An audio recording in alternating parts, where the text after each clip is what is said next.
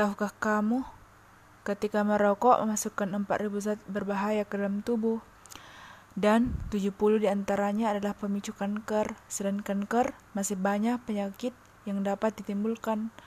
Di antaranya adalah serangan jantung, stroke, kerusakan sel otak, dan yang paling parah adalah kematian. Bahkan kematian akibat rokok di dunia mencapai 5 juta jiwa per tahun dan mungkin masih kurang kesadarannya untuk berhenti merokok dan jumlah kematian merokok akan terus bertambah.